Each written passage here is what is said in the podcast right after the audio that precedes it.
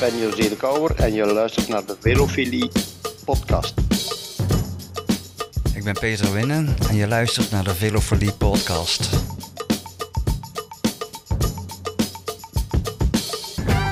De Velofilie podcast.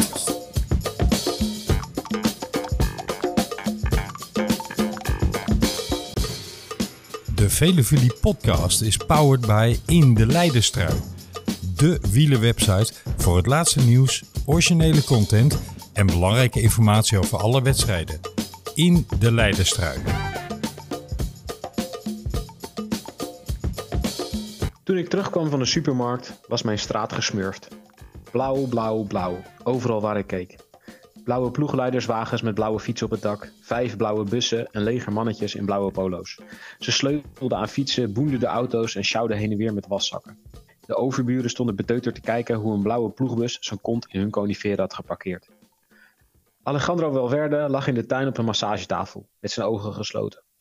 Op de tuinstoelen hingen andere renners van Movistar. Rogas belde met zijn vrouw, Marc Soler lachte om een scheet van Enric Mas en Carlos Betancourt informeerde of ik toevallig nog wat lekkers had meegenomen. Ik zette mijn boodschappen neer, tikte Valverde op zijn schouder en vroeg wat dit allemaal moest voorstellen. Zonder zijn ogen open te doen, zei hij: Dat zie je toch? Trainingskamp. Even drie weekjes met de ploeg bij elkaar. Ik liep naar binnen. Mijn huis was veranderd in een hotel.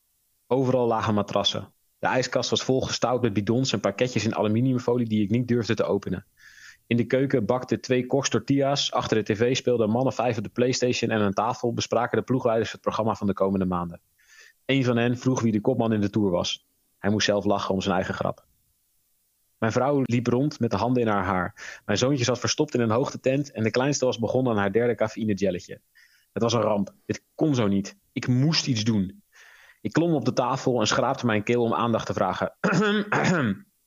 Het was meteen stil. Iedereen keek naar me. Alejandro Valverde kwam aanrennen met een handdoekje om zijn middel. Wie kuchte daar? vroeg hij paniekerig. De vingers wezen naar mij. Daarna ging het snel.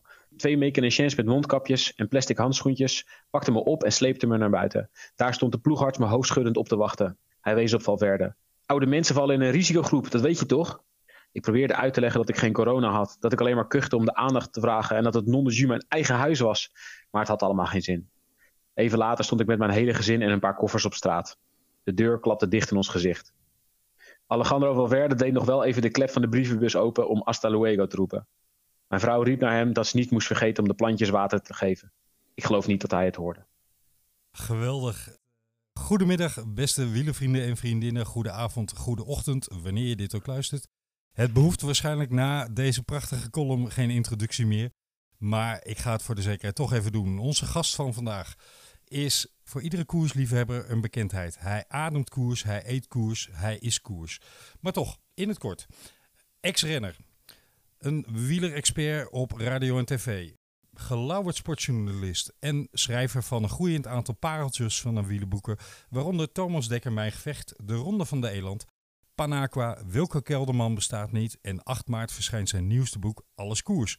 En natuurlijk maker van de onvolprezen podcast In het Wiel. Ik ben blij dat we hem te gast hebben. Welkom Thijs Sonneveld.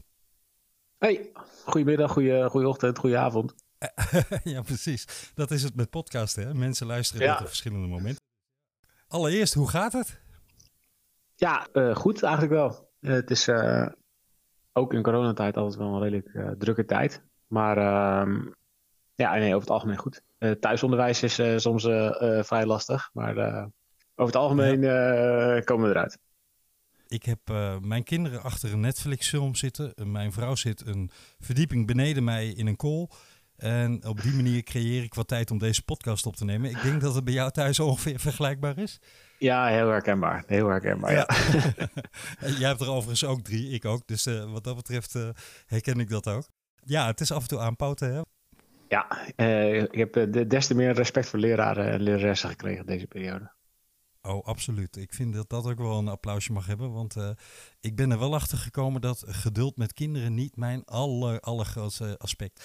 Ja. Dus ja, zeker respect voor. Daar gaan we het niet over hebben. We gaan het hebben over uh, onder andere jouw uh, nieuw te verschijnen boek Alles Koers. Verschijnt 8 maart in de boekhandels. En digitaal te bestellen. Mensen, ik wil een oproep doen. Ga vooral bij je lokale boekhandel dat boek halen. Uh, of bestel het van tevoren en uh, pik het dan even op. Want hè, die boekhandels die moeten ook overleven. En dit is wel weer een pareltje wat je in huis moet hebben hoor, kan ik zeggen. Ik heb het genoegen gehad om, uh, om flink wat te kunnen lezen al. ik heb hem nog niet helemaal uit, maar ja, briljant weer. Hoe was het, het schrijven van dat boek? was dat dit keer anders dan anders, Thijs? Gezien de corona-omstandigheden? Uh, nou, op, kijk, het boek op zichzelf uh, niet echt. Uh, kijk, er is een soort traditie ontstaan bij mijn uitgeverij om aan het eind van, van een jaar te kijken, gaan we een flink aantal columns en stukken bundelen. kunnen we er een mooie rode lijn in ontdekken. En dit jaar was het vrij, ja, vrij, vrij logisch, die lijn. Namelijk ja, meer de vraag in eerste instantie, wordt er nog gekoerst? En uiteindelijk, uh, ja, er wordt altijd gekoerst. Uh, wielrennen schrijf ik ook ergens, uh, is een soort de kakkelak onder de sporten. Ja. Ook al ja, valt er een kernbom op, het kruipt er toch weer onder vandaan en er wordt toch weer gekoerst. En ja, het ik denk vrolijk rond, ja. Ja, heel veel sportliefhebbers wel herkennen afgelopen jaar dat ja, heel veel sporten gingen überhaupt niet door. En de sporten die doorgingen, zoals voetbal, waren vaak echt wel minder leuk met publiek ja, dat mis ik daar echt nog steeds. Maar bij wielrennen heb ik dat veel minder. En uh, ja, ik heb bijvoorbeeld bij de Ronde van Vlaanderen of bij de afgelopen WK veldrijden. Ja, het is heel vervelend dat er minder publiek is of geen publiek. Maar het is niet zo dat het dan de sport zelf en het entertainment van de sport zelf enorm raakt. Dus ja, dat maakt wielrennen ook best wel uniek. Uh, ik denk dat uh, de sport dat, ja, dat voordeel of dat, dat niet echt had zien aankomen. Maar dat, dat het wel een heel welkom effect was achteraf dat het ook wel een beetje uh, wielrennen heeft gered in 2020. Dat er zoveel koersen doorgingen en dat het ook vaak zo leuk was. Laat wel wezen. Het was, ja, de meeste koersen waren ontzettend interessant om te volgen. Dus dat heeft heel veel mensen heel veel lol gegeven. En uh, er ook voor gezorgd dat, er, uh, dat de klap, de coronaklap zeg maar in het wielrennen, nog niet zo hard is aangekomen. Het is bijna een soort paradox hè, die in 2020 gebleken is. Um, wielrennen staat bekend als nou ja, misschien wel de meest aanraakbare sport. De meest benaderbare sporters.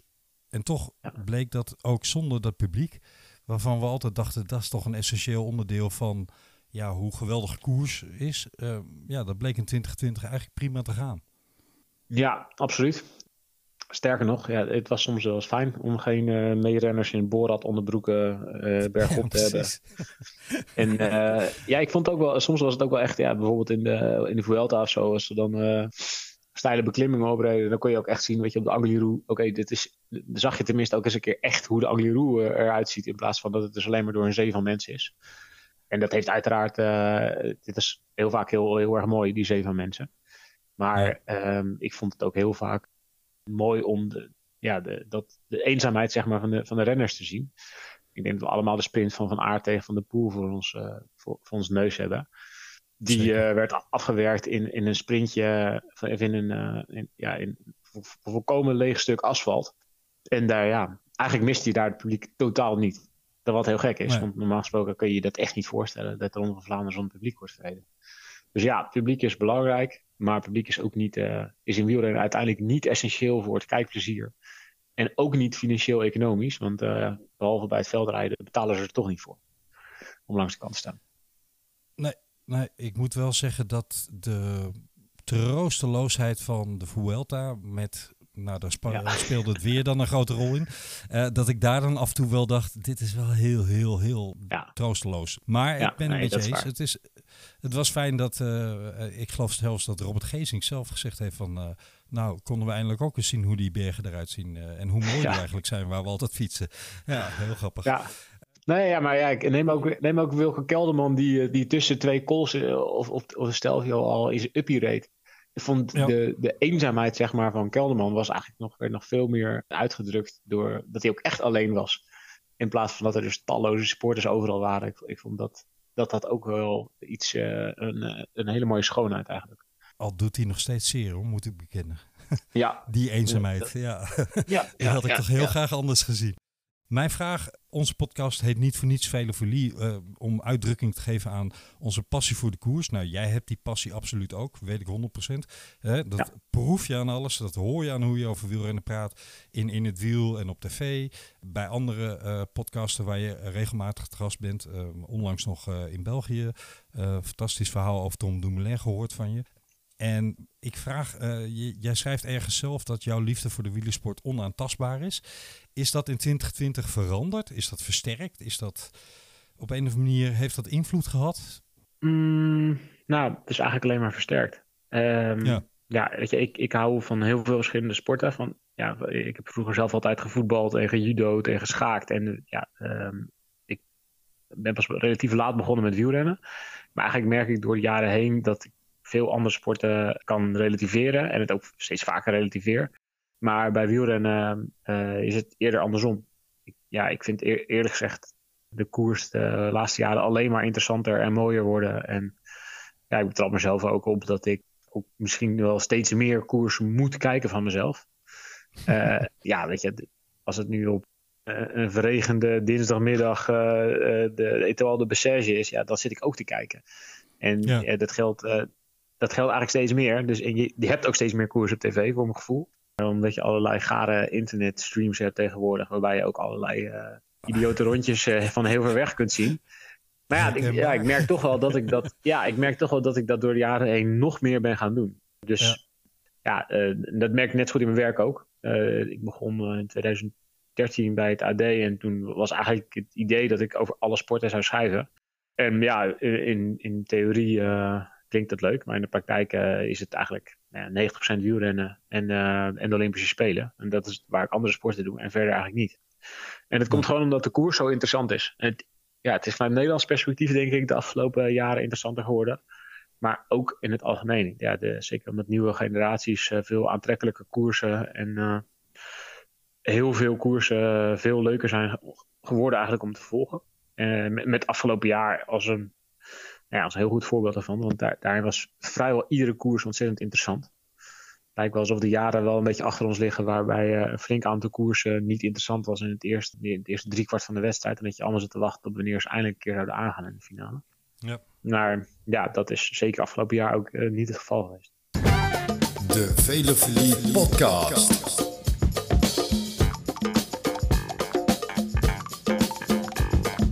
Nou uh, had ik het met mijn mede-host Don Kaspers daar in een afgelopen uitzending ergens in november. Want we hebben even een uh, winterslaap gehouden bij Velofilie. Maar hadden we het erover van, uh, was dit nou een geweldig koersjaar? Of ja, vinden we dat gewoon omdat dit het meest recent in de herinnering ligt? Hoe is dat bij jou? Ik heb namelijk het gevoel dat het echt een absoluut topjaar was. Wat betreft de koers, hè? hoe er gekoerst is. Ja, nee, ik ook. En bedoel, ja, de, je kunt er heus wel een paar redenen voor verzinnen. Ik denk dat een hele belangrijke reden bijvoorbeeld was dat uh, je eigenlijk één. Ja, het A-programma, zeg maar, uh, was voor heel veel renners gelijk. Dus dat was Tour en de klassiekers.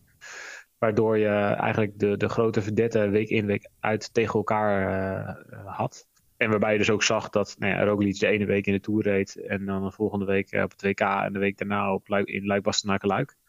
Wat in een normaal jaar eigenlijk ontzettend verspreid ligt en uit elkaar wordt getrokken. Waardoor je heel veel renners hebt die, uh, ja, die zich focussen op één bepaalde periode of één wedstrijd. En ja, dat is in het algemeen wel een probleem van wielrennen. Dat de beste renners soms niet eens tegen elkaar rijden. En dat was afgelopen jaar wel zo. Daar reden, daar, ja, weet je, daar reden Roglic en Van Aert en Pogacar en Alaphilippe gewoon week in, week uit tegen elkaar. En de ene keer was het in de grote ronde, en de andere keer was het op de WK, en de andere keer was het in, klas, in een klassieker. Ja. En dat was wel tamelijk uniek. En dat ga je ook niet zomaar weer terugkrijgen. Maar los daarvan zie je ook wel dat er, ja, dat er ook wel veel meer renners en zeker veel meer jonge renners koersen om te winnen. En niet meer koersen om een zesde of zevende of achtste plaats en om een paar puntjes te, veilig te stellen. En, maar dat zie je natuurlijk goed aan, uh, aan Pogacar en Evenepoel en zo. Ja, die jongens die komen over en die, die denken dat ze meteen kunnen winnen. En die doen het nog ook. Die rijden zo agressief. Dat is, ja, dat is wel ook wel, dat is wel iets nieuws en iets uh, best wel bijzonders zijn er uh, naar jouw inzicht nog, nog lessen die de UCI zou moeten trekken, of het peloton zou moeten trekken uit het afgelopen seizoen, wat dat betreft? Uh, ja, nou ja, ik denk dat wat je ziet is dat, een, dat de, de wielerkalender in het algemeen is, is eigenlijk veel te uitgebreid. Ja, en ja, lang. wat je uiteindelijk, ja, er zijn zo verschrikkelijk veel wedstrijden en de hele World Tour is veel te groot. Ja, uiteindelijk zitten we met z'n allen, zijn we toch, eh, zie je afgelopen jaar dat er gewoon een stuk minder wedstrijden zijn doorgegaan. En dat, ja, van de ronde van Guangxi of zo, ja, daar ga je niet je sport mee groter maken. Dat is misschien wel leuk op papier en dat je naar China kunt. Maar voor de aandacht van je sport is dat, is dat een stuk lastiger. Dus ja, dan zul je het op een andere manier moeten doen dan het nu gebeurt. En je kunt niet gewoon elke keer maar meer World Tour wedstrijden erbij maken en denken dat het daardoor interessanter wordt. Integendeel, je zult er waarschijnlijk minder moeten maken. En dat was afgelopen jaar natuurlijk zo. Er waren gewoon minder grote wedstrijden, eh, waardoor de grote jongens allemaal tegen elkaar eh, reden, week in, week uit. Dat is Ja. volgens mij de grootste les. Ja, je wilt, net als in andere sporten, ja, de Champions League, daar, je weet dat in voetbal de Champions League, daar doen de beste ploegen aan mee met de beste voetballers. En eh, in de Formule 1 rijden de beste coureurs en de beste automerken. En je wilt eigenlijk hebben dat je in, de- in het wielrennen iets vergelijkbaars hebt. En in de World Tour is dat niet het geval. Ja, daar is gewoon de ene week eh, eh, rijden totaal andere renners dan de andere week. En het ligt maar net aan eh, wat die renners allemaal voor een doel hebben in een bepaald jaar. Dus dat is volgens mij de grote les. Zie jij iets in, in een verplichtend karakter vanuit de UCI? Of, of zeg je nee, dat gaat niet werken? Nou ja, kijk, de UCI nu, nu, wat UCI nu doet, is gewoon iedereen die een zak geld neerzet, die, die krijgt een World Tour wedstrijd. Dat wordt Ja. niet overlegd met de ploegen, dat wordt niet overlegd met de renners. Eh, die sterker nog, die krijgen eigenlijk alleen maar het gezeik van, want die moeten de hele wereld over en die krijgen er niet heel veel voor terug. Dus ja, waar ze natuurlijk naartoe moeten is, is dat renners en ploegen wel een echt deel van de koe krijgen en, en ook echt inspraak.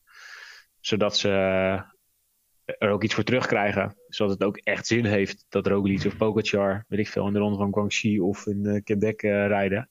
Dat ze dat niet alleen maar eh, als al aan de start staan, dat het een wedstrijdje tussendoor is, maar dat er ook echt eh, voor wordt gekoerst. Maar goed, dat is nu niet zo. Er is, ja, het is ook geen prijs of zo als je eerste wordt in de World Tour als renner. Ja, dat is leuk. Maar er is geen renner die van het, in het begin van het seizoen zegt, nou, ik ga eens proberen de World Tour te winnen. Ze hebben dat in de jaren tachtig geprobeerd hè, met een, eh, een, een trui ervoor en een klassement over een heel seizoen. Ja, dat is Ja. op een gegeven moment ook weer afgeschaft natuurlijk, omdat uiteindelijk het ook niet werkt. Nee, maar dat is omdat in het wielrennen iedereen, iedereen elkaar uit de tent uitvecht. Kijk, die die wereldbekertrui hebben we natuurlijk een aantal jaar gehad voor de, echt voor de wereldbekerwedstrijden, voor de eendaagse wedstrijden. Ja, dat Ja. werkte nog best wel oké. maar ja, goed, dat wordt dan ook weer op een gegeven moment zijn er weer die ene wedstrijd, is het weer niet eens met de andere wedstrijd. En ja, dat blijft, dat blijft in wielrennen wel echt altijd een groot probleem. En ja de, Ja. de basis van dat probleem is dat de machtigste en rijkste partij is gewoon een private onderneming. Dat is de ASO. En dat is, ja, de ASO is bezig met eh, de portemonnee van de ASO. En niet met eh, eh, wat is goed voor het wielrennen. Die willen gewoon, ja, wat is goed voor de ASO. dat de Tour eh, goed wordt bekeken. En dat eh, er verder nog een paar eh, grote klassiekers die zij organiseren goed worden bekeken. En voor de rest moeten ze vooral niet te groot worden. Dat, blijft in het wielrennen een groot probleem. Maar dat ga je niet zomaar 1, 2, 3 oplossen. Even terug naar, naar, naar jouw boek. 8 maart nogmaals verschijnt Alles Koers. En ja, uit alles ademt de passie voor deze sport. Als ik jou op tv hoor of op eh, zie en, eh, of in jouw podcast hoor, eh, dan kun je merken, je bent, je bent werkelijk doordrongen van, van koers. Je bent zelf laat begonnen met wielrennen. Die, die achterstand heb je aardig ingehaald, zullen we maar zeggen. Want je was geblesseerd hè, met voetballen, en waardoor je ging fietsen. Ja, ja ik, ik, ik scheurde mijn, mijn knieband en mijn meniscus. En toen moest ik eigenlijk wat anders gaan doen om, om te herstellen. En ik fietste toen wel gewoon in de zomer af en toe eens een keer met, eh, met mijn vader. Met mijn, eh, ja, eh, als we een racefietsje mee hadden naar, naar op vakantie, zeg maar. Ja, ik, ik wilde het eigenlijk. Het was altijd wel stiekem mijn droom dat ik wel wilde gaan fietsen. Maar ja, eigenlijk voetbalde ik net, net, net te goed om het e- eerder op te geven. Ik had eigenlijk beter een slechtere voetballer kunnen zijn. Dan was ik er waarschijnlijk eerder mee gestopt. Ja. Eh, dus ja, ik heb nog net te lang eh, geloofd in, eh, in het idee dat ik met voetbal nog, iets, nog er iets van kon maken. Ja, tot ik me, tot ik me, mijn knie kapot stapte eigenlijk. En toen, ja, toen was, het eigenlijk, was de keuze eigenlijk wel vrij snel gemaakt. Maar zeker de eerste jaren merkte ik wel echt dat ik, dat ik te laat was begonnen eigenlijk. Ja, mijn eerste echte seizoen was toen ik 18 was, als belofte. En als je dan moet ja. instappen in, in wielrennen, dan ja, het heeft me wel echt wel, nou ja, wel twee jaar gekost om, eh, om alle technische dingen onder de knie te krijgen. Dus gewoon te weten, ja, hoe positioneer je nou in een peloton? En eh, Ja. ja. ja, wat doe je nou eigenlijk met trainen, weet je wel? als voetballer ben je gewend als, je, als de trainer zegt dat je tien rondjes om het veld moet lopen. Dan doe je er negen en dan snij je de hoek af. Um, en als wielrenner, de, ja, als, als je trainer zegt dat je de tien doet, dan moet je eigenlijk moet je, moet, moet er ook, moet diezelfde trainer naar elf op het veld staan en zeggen: stop het nu stoppen. Want anders Ja. doe je er twaalf of dertien, weet je. Dus die, die klik, dat duurde wel echt al een tijdje om, om, om te maken ook. In het begin dacht ik, ja, ik heb nu anderhalf uur getraind, zo, dat is wel echt lang. Maar ja, dat, eh, daar schiet je niet echt heel erg mee op eh, als wielrenner, als je dat alleen maar doet. Van eh uurtjes en anderhalf uur trainen, word je uiteindelijk, als je wedstrijden van vier, vijf uur moet rijden, dan heb je er niet genoeg aan. En bovendien helpen koersen in Nederland ook niet echt aan als je heel laat begint met wielrennen. Hè? Want dat criteriumachtige wat veel van onze koersen toch hebben. eh, Ja. Constant uit elke bocht in volle vaart optrekken.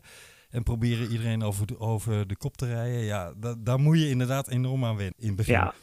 Nou ja, ik weet dat ik mijn eerste klassieke, ik weet dat ik mijn eerste klassieke reed. En toen eh, dacht ik echt dat het een soort oorlog was. Ja, ik had nog nooit Ja. zoiets meegemaakt. Iedereen, ieder, ja, het, vanaf, vanaf de start was het gewoon, iedereen zat alleen maar te duwen en te trekken en te schreeuwen. En we reden ergens een soort kom, een soort, een soort fuik in, eh, in, een, in een tunneltje waar er een gigantische valpartij was. Waar iemand zijn kaak brak en om zijn moeder lag te roepen.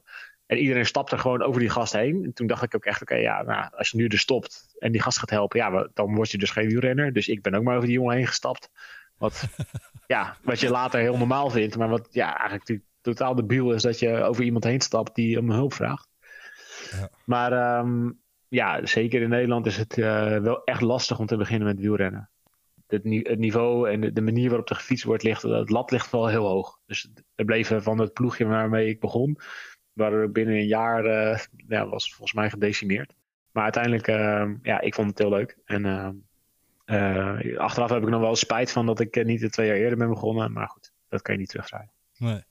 Ik, ik herken wel een kleine parallel met eh, Tom Dumoulin. Al moet ik zeggen, hè, die begon laat en verder. Volgens mij, wat, wat daar wel echt interessant aan is, want ja, met die jongens heb je natuurlijk wel. Hè? Bauke Mollema is ook relatief laat begonnen. Dumoulin is ook relatief laat begonnen. Maar daar zie je wel echt het verschil aan in, in pure klasse. Dus weet je, ik kan leuk fietsen. En eh, ik eh, kon er mijn werk van maken en over de hele wereld een beetje in de ronde fietsen met een klein salarisje en mijn fiets en, mijn- en, mijn, en mijn koffer. Maar die jongens die waren gewoon in staat om, om binnen twee, drie jaar de World Tour te halen. En dat is, ja. dat is zo enorm knap. En dat zie je tegenwoordig ook bij jongens als Roglic en zo. Die hebben zo'n enorm steile leercurve. Dus ja, dat, daar zie je ook wel echt een enorm verschil aan in, eh, in, in talent. Dus tussen de, jongens die leuk kunnen fietsen, zoals ik. En de echte jong, de jongens die echt talent hebben, zoals eh, de Roglic en de Mollema's en de Dumoulins. Dat is echt een, ander, eh, een, een volledig andere klasse.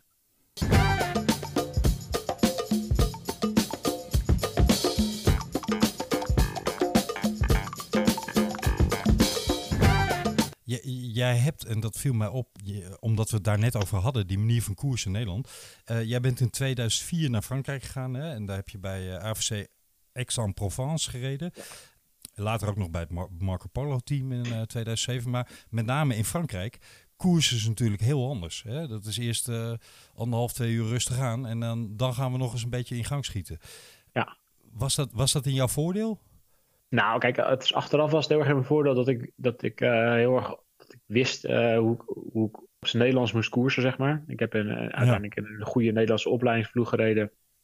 Bij uh, Leuk Tegeltoko Tegeltoko. heet- heette dat, Ja. ja. heette dat destijds. Dat was een beetje de tegenhanger van Rabobank in die jaren. En ehm, ja, daar, daar werd echt gehamerd op attent zijn en zelf een waaier trekken. En, dus ik kon, ja, ik kon uiteindelijk gewoon eh, prima waaier rijden en eh, mijn uitslagen rijden in kajak, klassiekers, allemaal dat soort dingen. En als je dan naar Frankrijk gaat en dan tussen, ja, tussen de, voornamelijk de klimmers en zo rijdt, en dat geldt, hetzelfde geldt in Spanje.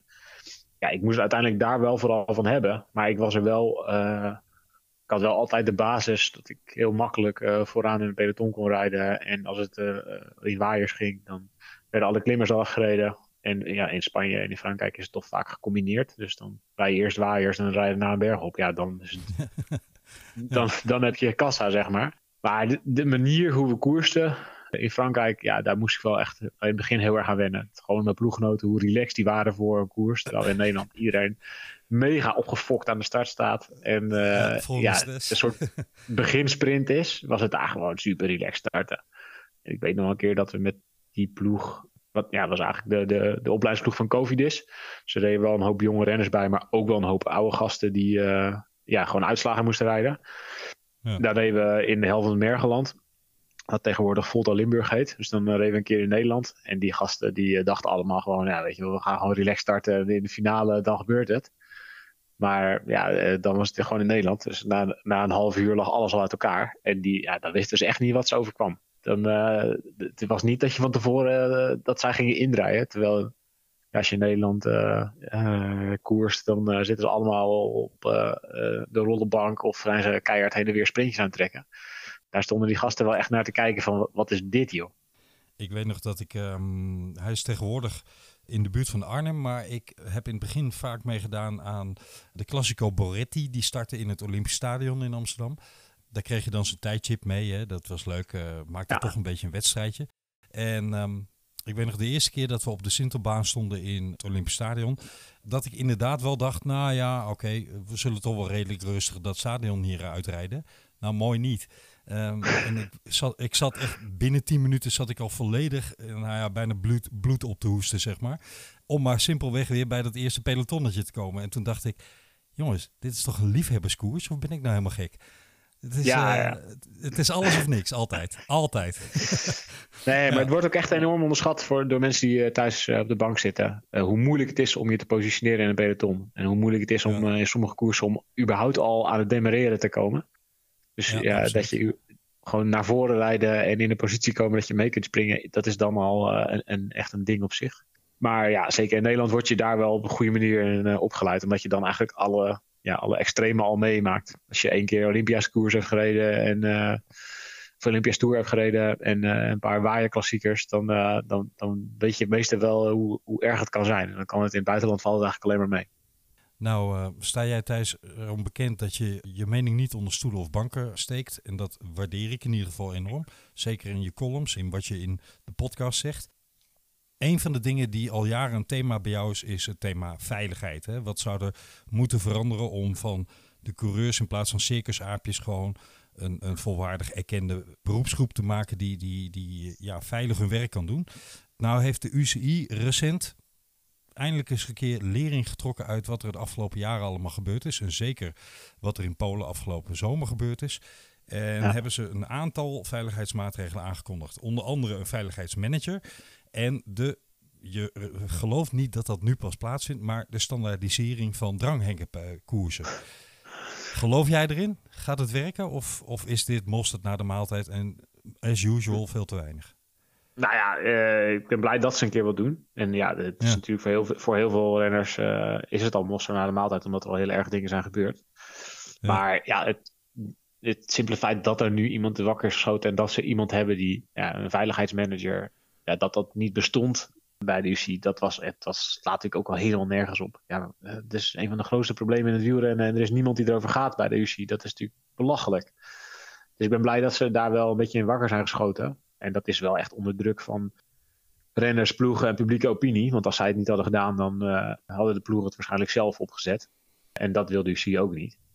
Maar ja, in, in algemene zin, kijk, het wordt soms gezien als een heel een beetje een saai onderwerp. En uh, oh, uh, ja, hebben ze weer over die veiligheid. Nou ja, als je heel eerlijk bent, dan is veiligheid het grote probleem in het, in het hedendaagse wielrennen. Um, ja. ik, um, ik, ik kan zo uh, 10, 20 uh, renners opnoemen waarmee ik gekoerst heb, die niet meer leven. En, en, nog uh, 10 of 20 of nog wel veel meer anderen die uh, zwaar, of ongeluk, zwaar ongeluk hebben gehad en niet meer op niveau hebben kunnen fietsen. En dat is, ja, dat vind ik heel erg. Toen ik, dat, toen ik daarover na ging denken, vond ik dat eigenlijk echt schrikbarend. En dat zijn jongens die, zijn, die, met, die een ongeluk hebben gehad in koers of tijdens training.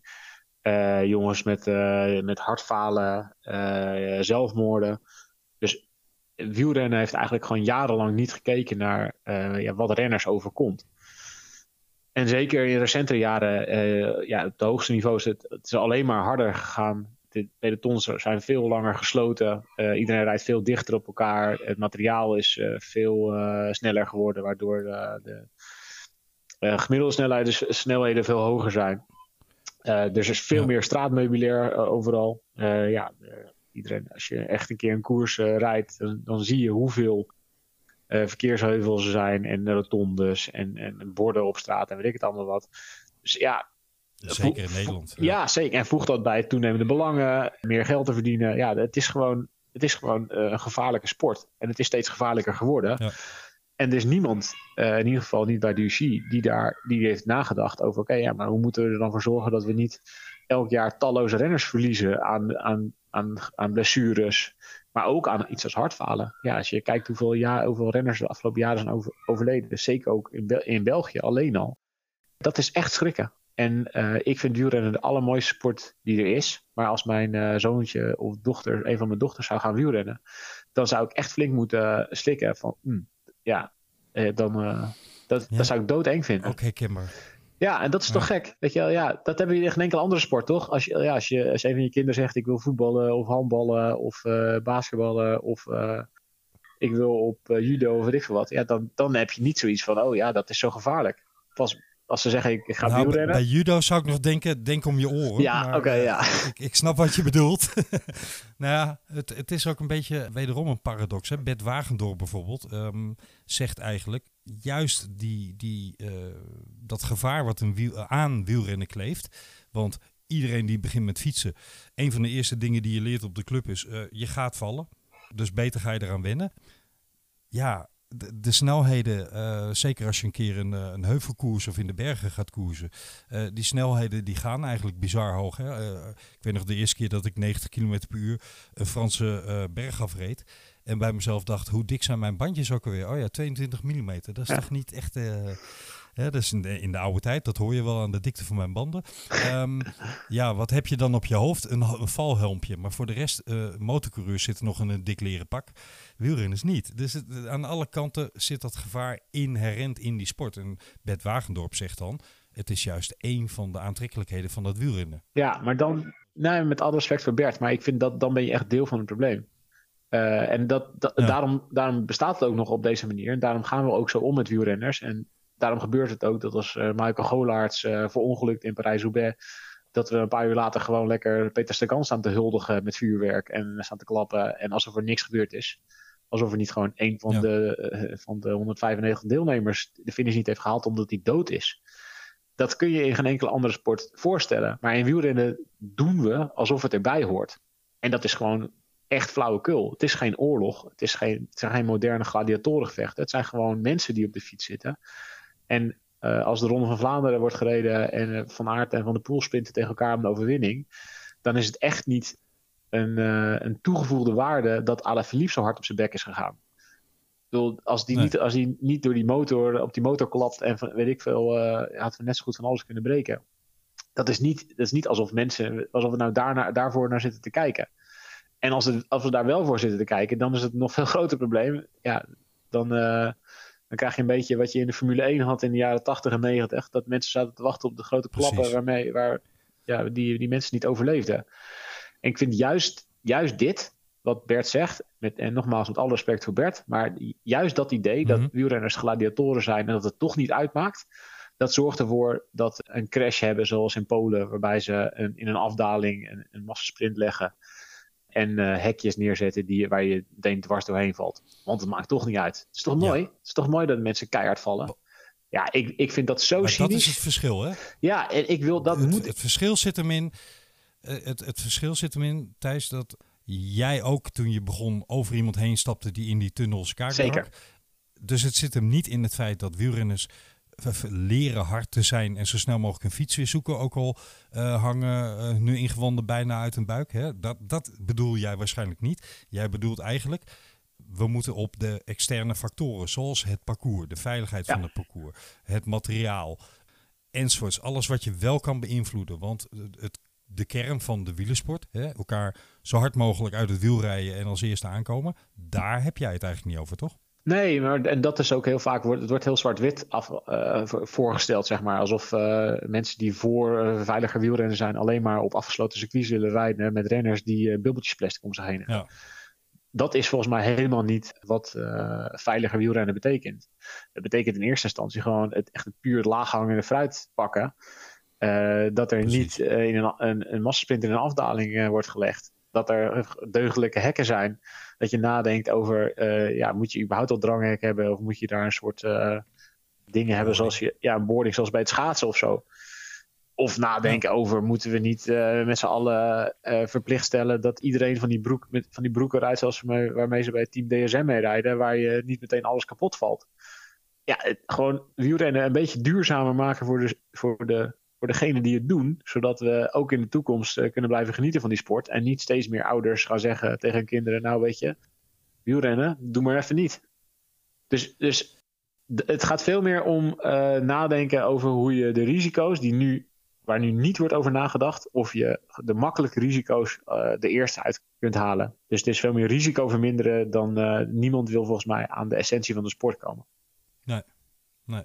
Ik. Um ik ben het eigenlijk volledig met jou eens. Uh, dat uh, wielrennen een gevaarlijke sport is. Ik heb een zoon van tien die zeurt al een jaar om een racefiets. Ja. Um, ik zit er ook tegenaan te hakken.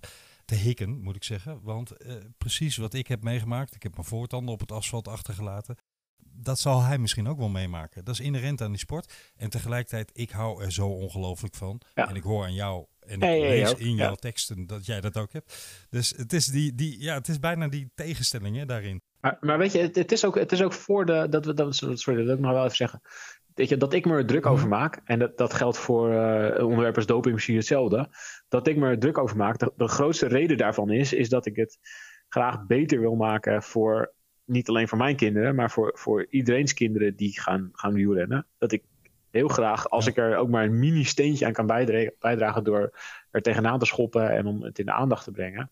Ik wil heel graag dat wielrennen een betere mooiere, leukere en vooral veiligere sport wordt voor de toekomstige generaties. En dat die dus niet voor dezelfde keuzes komen te staan als, uh, als, de, als de generaties hiervoor. Namelijk gewoon, ja, het is, dit is een super gevaarlijk parcours. Maar uh, ja, je moet die rijden, want anders heb je volgend jaar geen contract. En dat is nu wel langzaam een klein beetje aan het veranderen. En dat vind ik een hele goede zaak.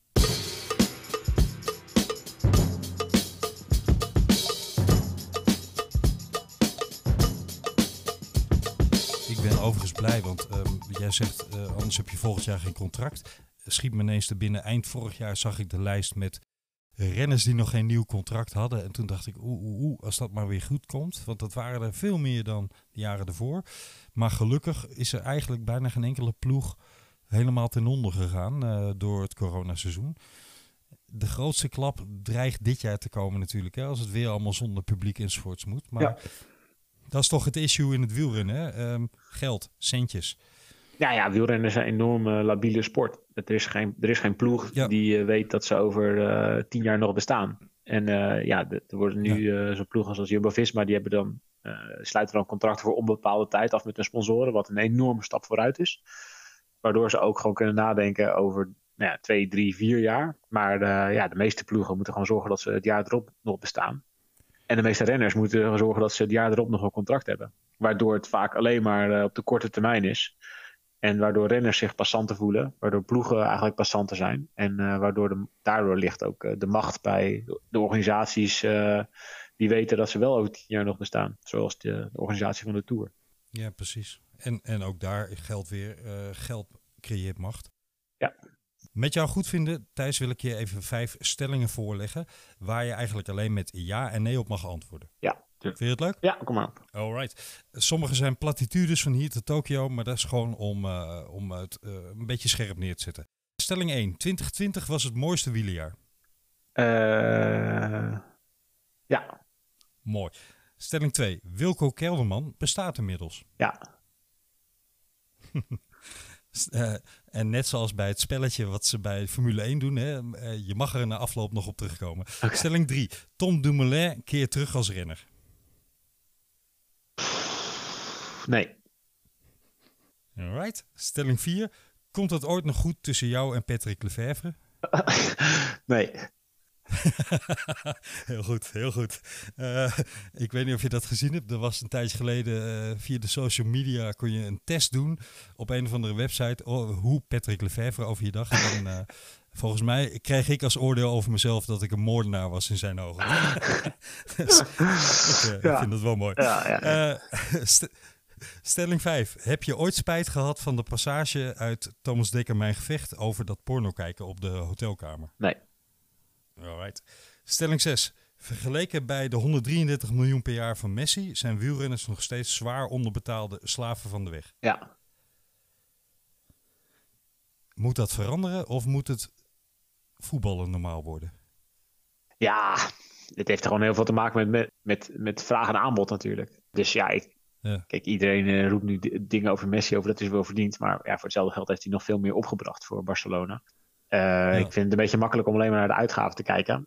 Maar in het wielrennen eh, is er nog wel een, een wereld te winnen in als je ziet hoeveel, hoeveel mensen er graag naar wielrennen kijken en in hoeveel landen het wordt uitgezonden.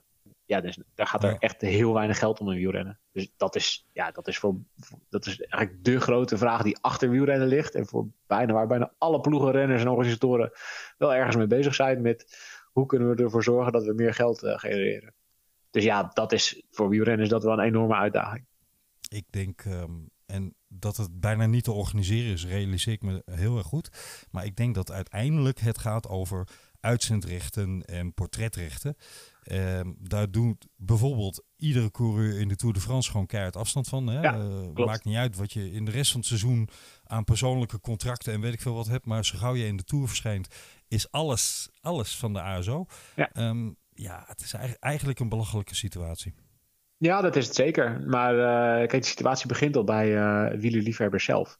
Eh, als je eh, vergelijkt met enige andere sport, dan betaal je eh, als voetballiefhebber betaal je op talloze manieren aan jouw favoriete club. Ja. Via misschien kaartjes, een seizoenkaart, via wedstrijden die achter de decoder zitten, via merchandising, via VIP-pakketten. nou ja, weet ik wat, als je een schoolagenda koopt met Ajax erop, dan betaal je al ergens aan, aan Ajax in, in, het, in het wielrennen is dat totaal niet zo. Je betaalt als eh wielerliefhebber eigenlijk op vrijwel geen enkele manier aan eh, je favoriete sport. Je hoeft niet te betalen om er naar te kijken op tv, eh, behalve als je op Eurosport of zo kijkt.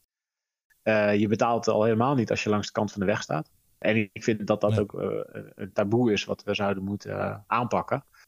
Ja, misschien moeten we op sommige plekken wel ticketing doen. Kijk, het- veldrijden is een stuk gezonder dan het wegwielrennen. En dat is gewoon puur omdat mensen betalen om naar de cross te komen. Wat heel normaal is, want je gaat Ja. gewoon naar mensen die hun beroep uitoefenen en die entertainment voor jou maken. Dus ja, ik vind het heel logisch dat je daarvoor betaalt. Maar in wegwielrennen doen we dat niet.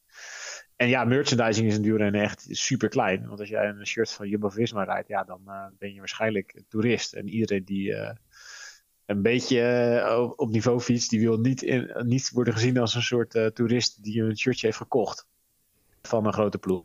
Dus ja, er zijn nog de Velominati. Jee, precies. Dan heb je weer dat soort, dat soort regels, weet je wel. Ja, terwijl, ja, dan betaal je Ja. eigenlijk eindelijk een keer mee aan, aan, eh, aan een profploeg. En dan wordt dat weer gezien als stom, weet je wel. Dus ja, de eh, wielrennen heeft wel echt een probleem. En dat begint dus al eigenlijk al eigenlijk bij wielerliefhebbers zelf. Want die betalen al op geen enkele manier aan hun favoriete sport. Dus ja, als die het al niet betalen, waar moet het dan vandaan komen? Ja, ik, ik, ik, uiteindelijk heeft het ook een gunfactor. Hè? De ASO verdient er absoluut goed aan. En ehm, ik denk dat om het wielrennen duurzaam gezond te houden, ja, dat dat gesprek toch eens een keer op gang moet komen. Het probleem is altijd geweest. eh, in de jaren tachtig had je Bernard Hinault die nog wel eens van zijn fiets wilde stappen. En eh, eh, een aantal mensen die protesteerden op een, op een kanus wilden slaan, bijvoorbeeld. Maar een echte patroon is er op dit moment niet. Maar ook toen de tijd, en eigenlijk is dat altijd zo geweest. De belangen zijn altijd veel te tegenstrijdig geweest. Want als ploeg A zei, nou weet je wat, wij gaan erbij zitten vandaag. Dan zei ploeg B wel, nou weet je wat, wij rijden gewoon door. Ja. Kijk naar de tour, afgelopen tour, hè, de tweede etappe rond Nice, waarop eh, Jumbo-Visma zei, jongens, laten we even rustig aan doen. En eh Astana vervolgens dacht, nou weet je wat, wij gaan toch even die afdaling in. Toen Miguel Angel Lopez nog, nog eventjes op een verkeersbord kopte. Ja, karma noemen we dat. Maar de- zo zijn de belangen altijd verschillend. Klopt. Er- wordt nu wel, en ehm, ik heb ook het idee dat die nieuwe eh, vakbond daar wel eh, zeker een bijdrage in kan gaan leveren. Er wordt nu wel aan alle kanten over nagedacht, gesproken, gedacht. En ook mensen als ploegleiding van eh, Sunweb, nu DSM en Jumbo-Visma zijn er volop mee bezig. Dus het is wel een onderwerp wat steeds meer op tafel ligt. Hè, waar we uiteindelijk denk ik niet meer van weg kunnen lopen. Nou ja, ik hoop het. Ik hoop dat die, eh, dat, eh, dat momentum ook een beetje blijft en dat die ontwikkelingen zich doorzetten. Eh ach, ja, afgelopen jaar Ja. was er echt wel sprake van dat de Tour stond ook wel een beetje op, op, op, op, wankelde eigenlijk een beetje die tourorganisatie. En het, maar uiteindelijk staan ze er toch weer super, super sterk voor. Dat als er een kalender moet worden gemaakt, dat alle wedstrijden van de ASO weer op, de, op, op één staan. En de, daarna de rest een keer aan de beurt is. Dus ja, zolang dat blijft, blijft ASO de machtigste partij. Maar het zou heel goed zijn voor het wielrennen als eh, de macht een beetje meer wordt verdeeld.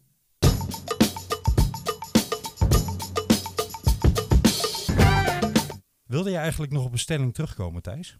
Uh, nou, die van Tom van Dumoulin eigenlijk wel. Ja, uh, uh, hij weet het zelf niet eens. of hij wel of niet terugkomt. Nee. Dus ik vind het een beetje, ja, ik moet ja of nee antwoorden. Maar ja, weet je, als hij het zelf niet weet, dan vind ik het soms een beetje pretentieus als ik het wel weet voor hem, zeg maar. Dus ja, ja. dat is eigenlijk de stelling waar ik het minst zeker van ben. Ja, volgens mij is het heel serieus wat hij overweegt. En overweegt hij ook echt serieus om te stoppen. En daarom zeg ik, daarom zeg ik nee.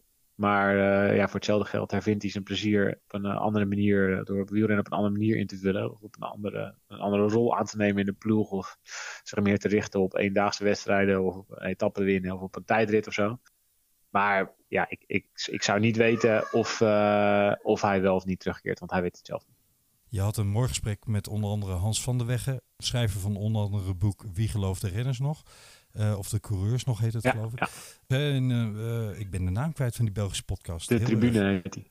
De tribune, dat was het, ja. Waarin het onder andere over dit aspect van Tom ging. Uh, jullie trokken een mooie vergelijking met Marianne Vos.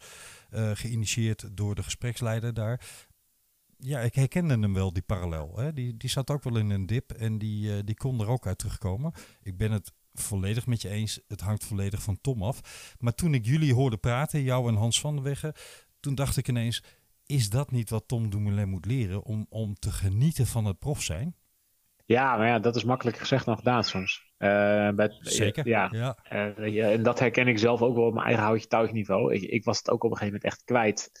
Uh, het plezier en ook al ja, reisde ik de hele wereld over. En ja, het laatste jaar reed ik echt overal in de Asia Tour. En was het echt fantastisch qua randvoorwaarden ook.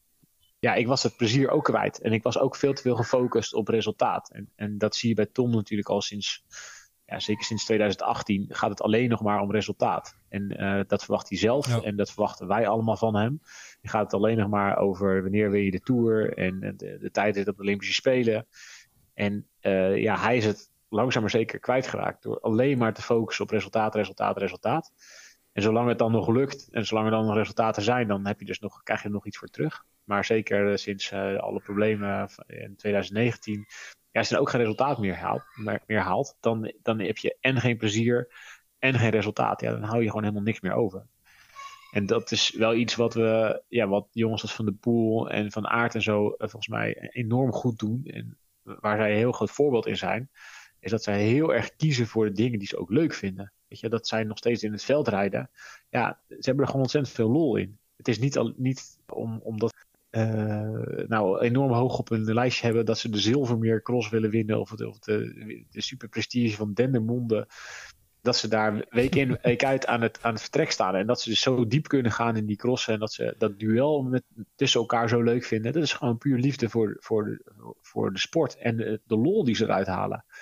Dus het zou eigenlijk een veel groter... Maar trek je die door, dan, dan zou je haast concluderen... als je deze redenering doorvolgt... dan zeg je eigenlijk misschien wel inherent... Uh, die liefde voor het wielrennen... die ontbreekt eigenlijk onderliggend een beetje bij Tom Dumoulin. Nou, of die de laatste jaren wel. Kijk, en als hij dat terug ja. kan vinden... Kijk, hij is niet voor niks begonnen.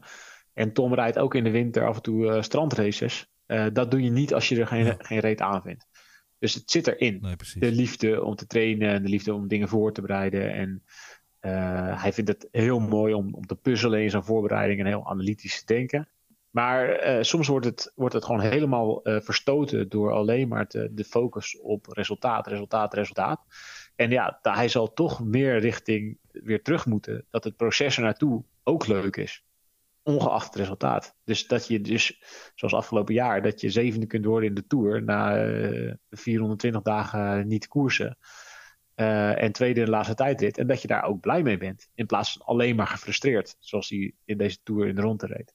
En alleen maar zeggen, ja, ik doe niet mee, ik doe niet mee. Terwijl ja, als je heel eerlijk bent, ja, je fysiek gezien, zeker als je in dienst van iemand anders zevende wordt in de Tour, dat is, dat is al sterk. En als je dan ook nog in de aanloop naartoe meer dan een jaar niet hebt gekoerst, ja, dat is gewoon hartstikke goed. Maar hij kan er niet tevreden mee zijn, omdat hij uh, uh, alleen maar denkt aan resultaat, resultaat. En ik moet de Tour winnen. Dus ja, het is ook een, een, een onwijs onderschat fenomeen in, in profsport in het algemeen. Het wordt, plezier wordt heel vaak gezien als, ja, weet je, dat, heb je, dat heb je als je jong bent, weet je. En als je nog amateur bent, ja, dan doe je het voor je plezier. Maar nu is het je werk, dus nu moet je je bek houden en niet zeiken. Ja. Maar ja, zo werkt het niet. Want ja, dat geldt voor iedereen. Als je er plezier in hebt, dan vind je het leuker. En dan kun je, zeker in wielrennen, ja, als, je het, als je het leuk vindt, kun je dieper gaan, kun je harder trainen.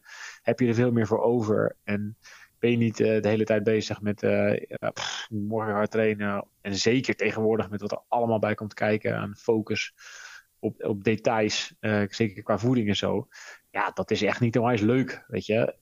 als, je op, als je elke gram moet gaan tellen, omdat het precies staat berekend in, de, in je appje. Ja, dat is niet leuk. Dan moet je wel weten waarvoor je het doet. En als je alleen maar denkt, ja, ja. Hm, ik heb hier eigenlijk geen zin in en het is alleen maar om, om dat ene resultaat te halen en het resultaat haal je niet, ja, dan blijft er wel heel weinig over.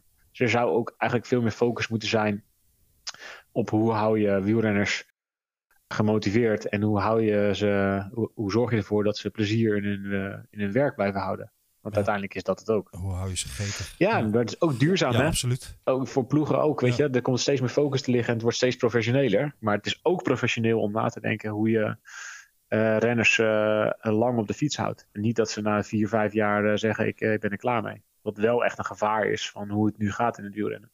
Ja, je ziet het wel steeds meer. Hè? Ik, de eerste wat ik twitterde toen het bericht van Tom naar buiten kwam was... dit doet me aan Marcel Kittel denken. Een dag of wat later hoorde ik dat hij al contact gezocht had met Marcel Kittel. Die kwam er zelf mee naar buiten. Maar dat zijn, nog de jongens die, dat zijn nog de jongens die dit kunnen, hè? die de keuze durven te maken en het en we kunnen maken. Want ja. als, als Tom zegt over de twee, drie of zes maanden, ja, ik wil weer terugkomen, dan kan dat. De meeste renners hebben natuurlijk die luxe helemaal niet. Ja, als uh, Koen Bouwman uh, zegt, ik, ik heb, weet eigenlijk niet of ik er nu nog zin in heb. En je zegt over, over zes maanden, ja, ik ga toch weer een keertje beginnen. Ja, dan zeggen ze bij Jumbo, ja, ja. sorry, maar daar hebben we, daar hebben we nog tien anderen klaarstaan. Dus dat is, ja. Het zou eigenlijk een stap eerder moeten zijn, bedoel jij? De, die begeleiding zou dat punt moeten voorkomen, juist. Dat, dat zou heel interessant zijn als je daar ook over na gaat denken. Want er zijn echt, er zijn echt veel. Ja. Er zijn echt veel. Stiekem zijn er heel veel renners die met dezelfde dingen kampen als waar Tom mee kampt. En Tom is, uh, uh, durft het naar, naar, buiten te brengen. En die durft te twijfelen. En die kan ook twijfelen omdat hij die positie heeft.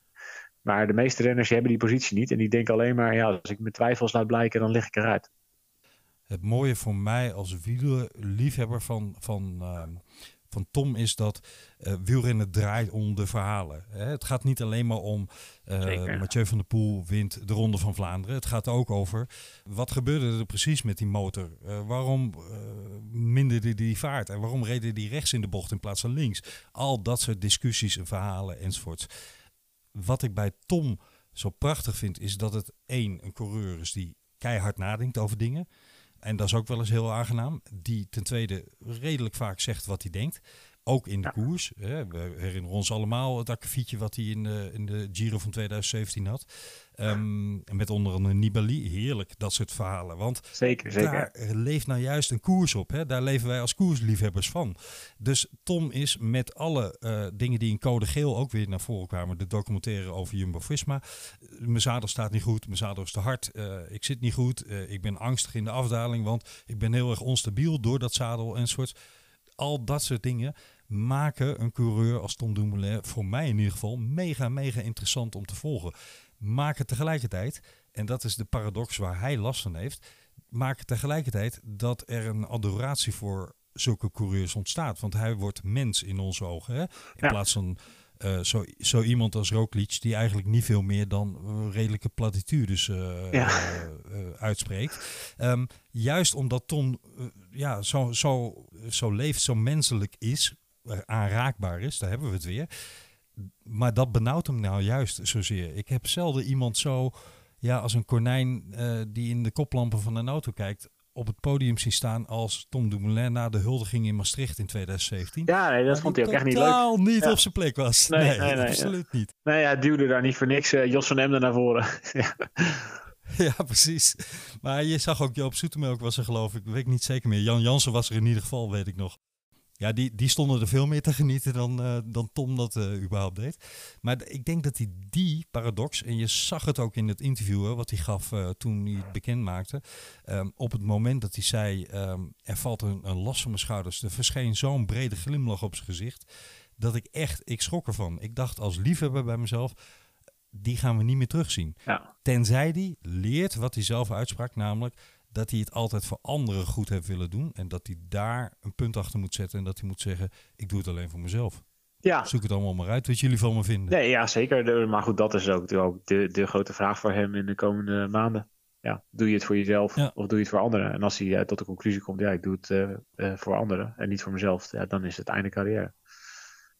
En dat zou, ja, ik, ik, ik snap wat je zegt. Dat zou, het is een jongen die, het is een feest om naar hem te luisteren op het moment dat hij een interview geeft omdat hij altijd ja.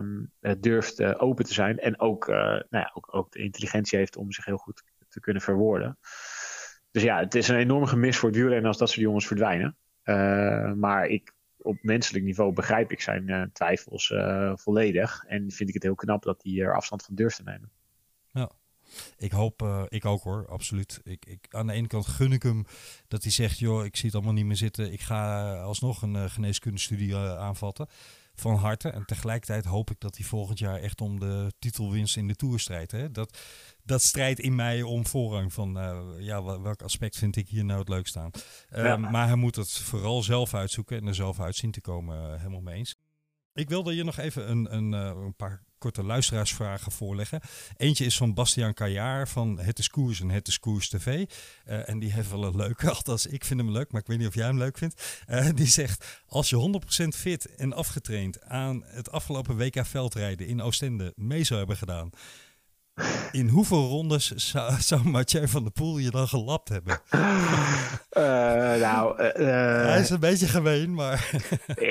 dat, uh, echt in, in twee rondes volgens mij.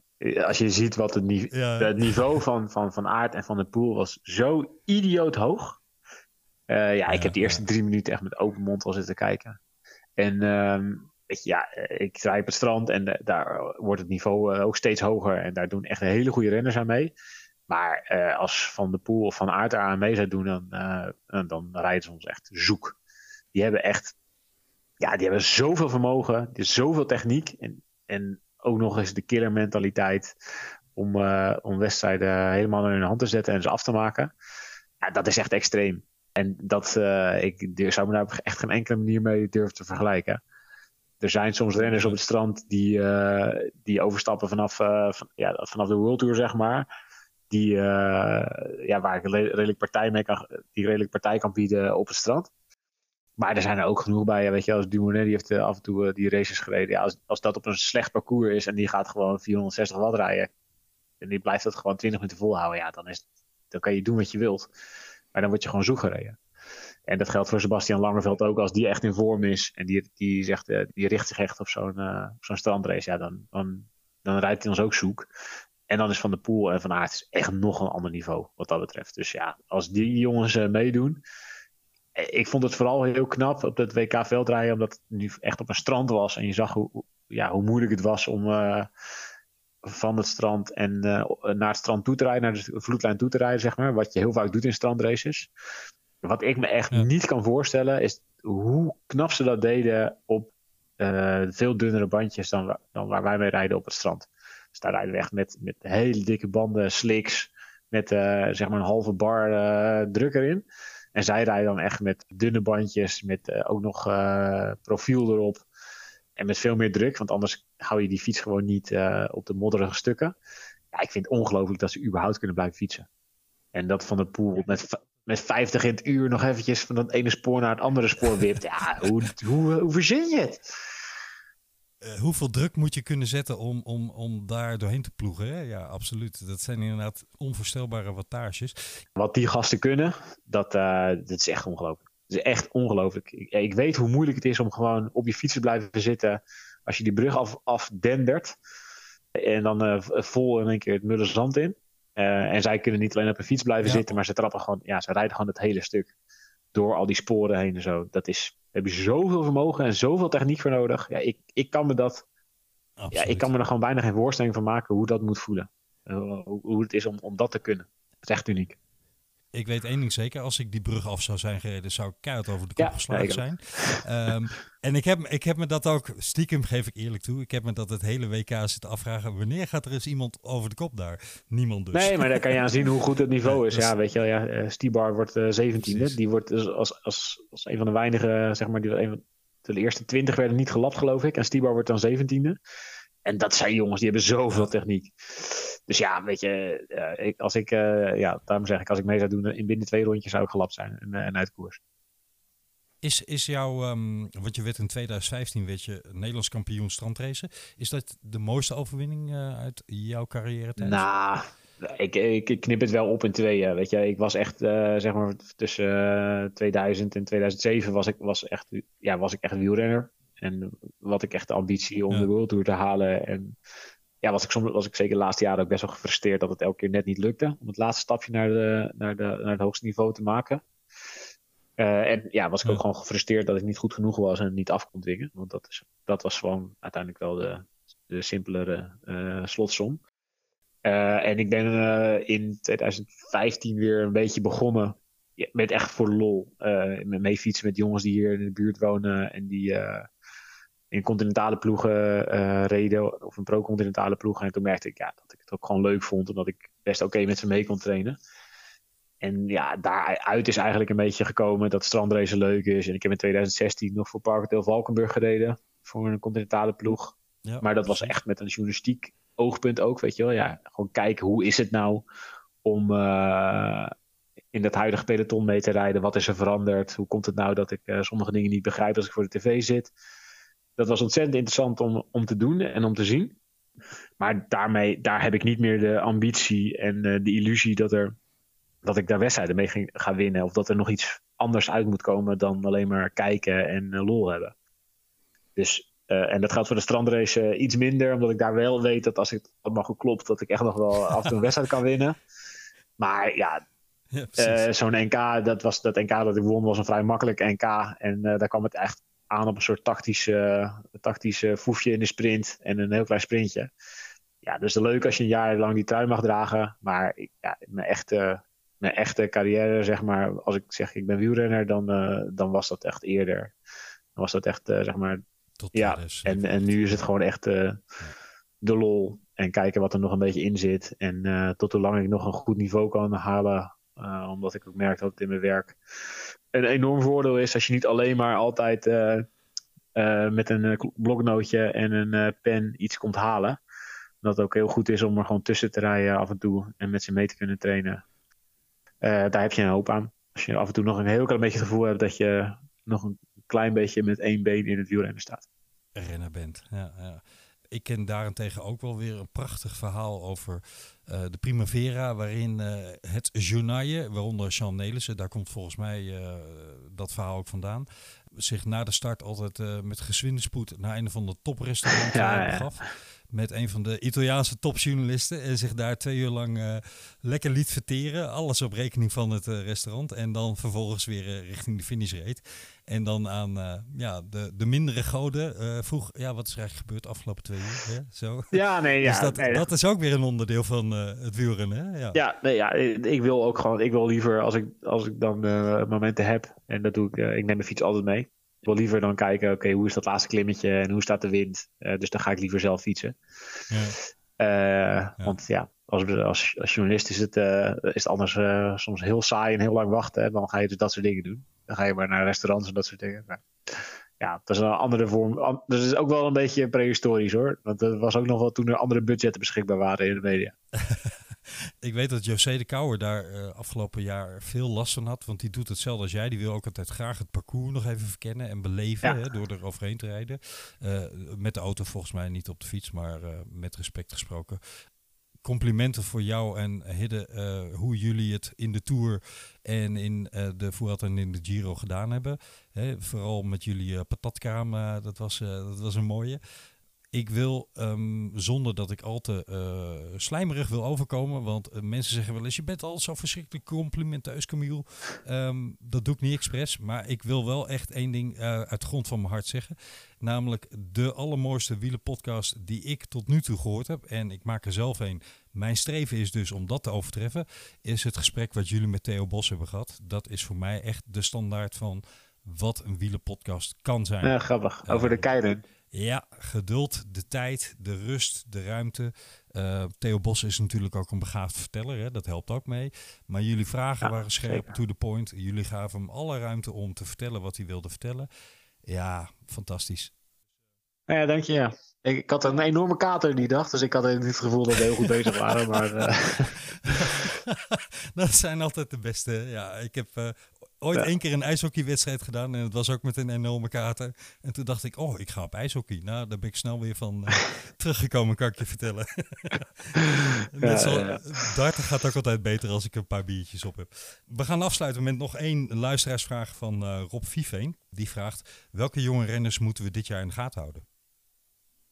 En dat zal wel Scorito georiënteerd zijn, ik.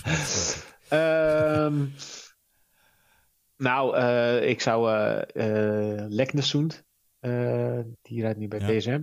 Absoluut. Dat is, ja, daar heeft, de hele, daar heeft eigenlijk de hele World Tour achteraan gezeten. Ehm, dat is, Ja. nou, werd wel, wordt wel gezien als een van ja, de, de toekomstige mogelijk grote rondewinnaar. Maar ik ben zelf ook wel heel erg benieuwd naar hoe Olaf Kooi het gaat doen. En die gaat nog niet een heel, erg, een heel groot programma rijden bij, bij Jumbo-Visma. Maar dat belooft wel heel veel eh, afgelopen jaar. Wat voor sprintjes hij eh, trok. Daar, ja, daar, daar, daar verwacht ik ook wel echt veel van. Zonder die jongen daar meteen met een enorme zak druk op, op te leggen om het komende jaren waar te maken. Maar dat, dat zijn wel echt jongens die, als je op zo'n jonge leeftijd al grote wedstrijden kunt winnen en, en makkelijk kunt winnen. Ja, dan zit er wel een hoop, eh, zit er wel veel in het vat. Dus ja, ik ben heel benieuwd hoe dat soort jongens het doen. Eh, het is wel eh, een, in, tegen, in het huidige wielrennen doen jongere wielrenners het wel snel goed. En kunnen ze wel snel aan de top staan. Dus ik ben wel erg benieuwd. Ik heb voor Rob, maar waarschijnlijk weet hij die tip al wel, want ik heb hem eerder al in onze podcast uitgesproken. Maar eigenlijk is de tip, kijk gewoon naar de beloftekoers. Hoe heet die nou? Ehm Lavenier. De Tour de l'Avenir. Ik kwam er even niet op. Dank je Thijs. Eh, de Tour de l'Avenir eh, is voor de U23 categorie. En eigenlijk zie je de laatste jaren weer terugkeren wat, wat in de jaren 80 en 90 ook wel een beetje het geval was. Namelijk dat de renners die goed in de Tour de l'Avenir rijden, een jaar of twee, drie later in het peloton mee Ja, kunnen. Zeker. in de jaren 90 was dat dan niet meer het geval. eh, dankzij het bekende fenomeen EPO. Maar het is heel lang een heel lange graadmeter geweest. En dat is wel voor een deel weer terug. En ehm, wil je nou opletten van wie moet ik de komende jaren in mijn scorrietenpoeltjes in de gaten houden? Kijk gewoon simpelweg naar de Tour de l'Avenir. Is nog leuk ook. Ja, zeker. Is lekker, zeker een leuke wedstrijd. Ja. ja. Absoluut, ja, ja, top. Thijs, wij gaan ehm, eh, jouw boek eh, in huis halen. Ik raad iedereen aan dat te doen. Altijd koers. Verschijnt op 8 maart. Ga jij nog eh signeersessies in eh, boekhandels doen zonder publiek, maar dat mensen wel een gesigneerde kopie kunnen ophalen? Ja, eh, het, lijkt me leuk. Ik, weet, ik heb niet, geen idee eigenlijk hoe dat eruit ziet in, in coronatijd. Maar ja, wellicht is daar wel een mouw aan te passen. Maar ja, dat kan Ja. altijd. Informeer dus vooral, beste luisteraars, bij je lokale boekhandel of ze een gesigneerd exemplaar kunnen regelen. Of dat ze eh Thijs kunnen laten signeren of hoe ze het ook regelen. Hè. Maar het zou leuk zijn. Eh, pak dat boek mee, altijd koers. Ik eh, heb genoten van het verhaal van je. De verhalen in Altijd Koers, maar zeker ook van wat we vandaag met elkaar besproken hebben. En ik hoop je in de toekomst nog eens een keer te mogen verwelkomen. Voor nu heel veel plezier in het komende seizoen. Laten we hopen dat alles door blijft gaan. Veel succes met je schrijfwerk en met Hidde van Warmerdam in, in het wiel. En mijn allerlaatste vraag is, heb jij ook zo'n ongelofelijke zin in Strade Bianchi? Ja. ja, dat is wel echt het volgende moment waar je daartoe zit te leven. Omloop Estrade, ja, dat is echt... eh, oh, ja, dat zijn dagen waar je nu al over verkneukelt. Absoluut. Nu ik weet dat het weer een mooi duel tussen Wout en Mathieu kan gaan worden, kijk ik toch nog wel iets meer naar Strade Ja. uit hoor. Ja, Ja, ja, ja. Eens, eens, eens. Dat, dat eh, extra, extra dimensie, ja. Zeker waar. ja, precies. Laten we hopen dat alles eh, ook door kan eh, blijven gaan wat dat betreft. Ja, ik hoop, ik hoop met grote hoop. Thijs, ik blijf jou uh, actief volgen en um, je uh, heel veel succes wensen. Dankjewel dat je erbij was en uh, veel genoegen en plezier. Asje.